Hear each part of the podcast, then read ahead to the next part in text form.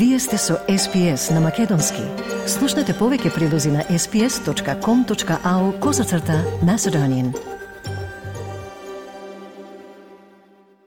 Слушате прилог од SPS Audio на Македонски, а со вас е Маргарита Василева. Во 2020 до 2021 година стотици илјади австралици беа примени во оделот за итни случаи поради повреди на главата. Но некои експерти велат дека вистинскиот број на овие повреди веројатно не е доволно пријавен. Сега нов извештај нуди увид за потребните информации за поставка на погодни полиси или политики, образование и превенција на повреди од ваков вид. Од прилогот на Хана Квон за SBS News.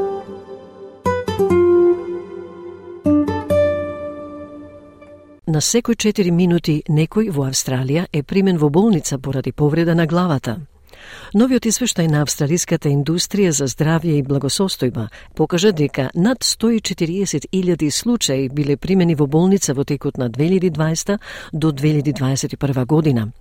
За тоа време, повредите на главата предизвикаа повеќе од 400.000 презентации на оделот за итни случаи и над 2400 смртни случаи. Доктор Хедер Свонстен е подпарол на Австралискиот институт за здравје и благосостојба и вели дека потребна е поголема свест околу ова прашање. We saw that head injuries made up uh, in that year 2020-21 head injuries made up 21% of all injury emergency department presentations, about a quarter of all injury hospitalisations, and 17% of all injury deaths. Според доктор Свонстон, во 2020-2021 повредите на главата сочинуваат 21% од сите презентации на оделот за итни случаи, околу една четвртина од сите хоспитализирани повреди и 17% од сите смртни случаи од повреди на главата. Извештот покажа дека клучните причини за повреди на главата се падови, сообраќање несреќи, напад и самоубиство. И оние кои најверојатно ќе бидат хоспитализирани поради повреда на главата се мажи, деца, луѓе на возраст над 65 години, луѓе од првите нации и луѓе кои живеат во рурални или оддалечени области или области со поголема социоекономска неповолност. Фатима Насрала, вонреден професор на Институтот за мозок на Универзитетот во Квинсленд, вели дека овие наоди одговараат на пейзажот на пациентите што ги гледаат. A lot of the brain injuries are due to fall, mostly in the in the um, older population, um, and this is quite common from what we see. We see a lot of motor accident um, transport injuries that come in as well. A lot of the moderate to severe are probably more motor vehicle accidents compared to concussions, which is more sports related. Од 2020 до 2021 година, една четвртина од сите потресни повреди на главата кои биле пријавени во болница, се случиле додека луѓето се занимавале со спорт. Велосипедизмот представува најголем број на хоспитализации со спортски повреди на главата, 20% за мажи и 16% на конјички активности за жени. Во земји како што се Соединетите Американски држави, на пример, на децата на возраст од 10 години и помали им е забрането да ги удираат фудбалските топки со глава. И Обединетото кралство спроведе слични испитувања за деца на возраст од 12 години и помали. Господјата Назрала вели дека Австралија треба да ги следи овие примери.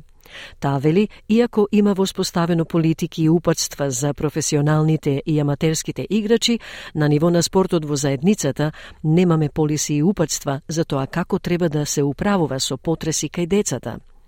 Постојат специфични политики и упатства што треба да се применуваат и господјата Назрала смета дека тоа е многу важно, особено за децата кај кои мозокот се уште се развива.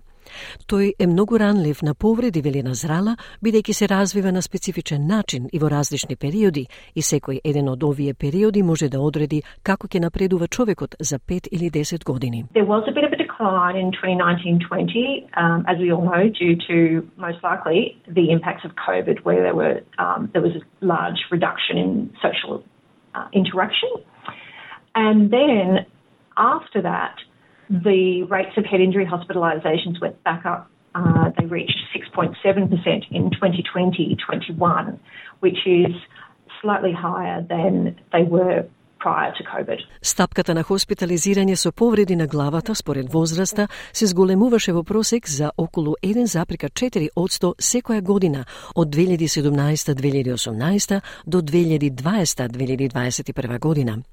Доктор Хеда Свонстон од Институтот за мозок вели дека има сосема мало намалување на овие бројки за време на пандемијата COVID-19. Especially, for example, in mild concussive injury, where there's not a immediate need for you to go to the hospital, there's a lot of underreported injuries because people just don't go to the hospital. So I think it's very important that these information is actually reported on.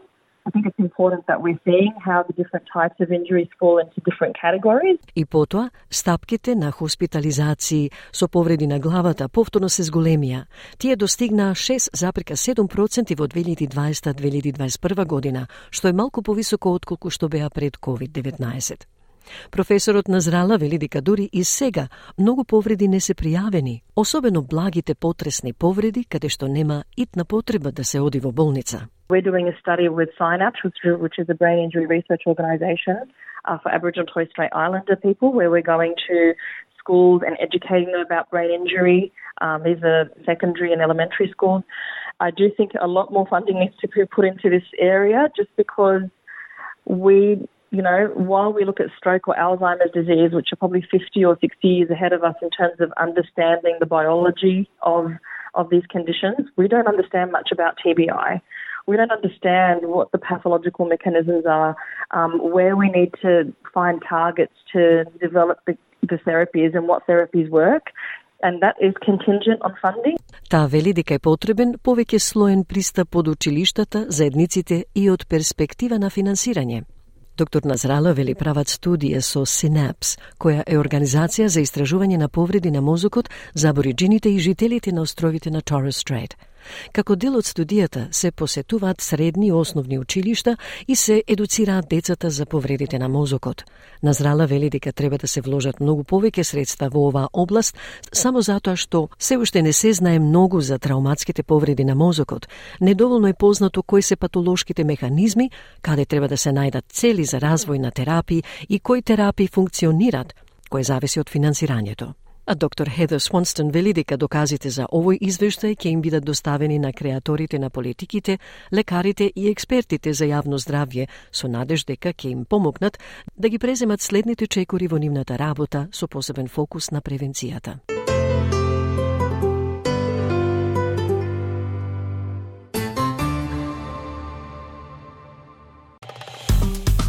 Стиснете, ми се допаѓа, споделете, коментирајте. Следете ја SPS на Македонски на Facebook.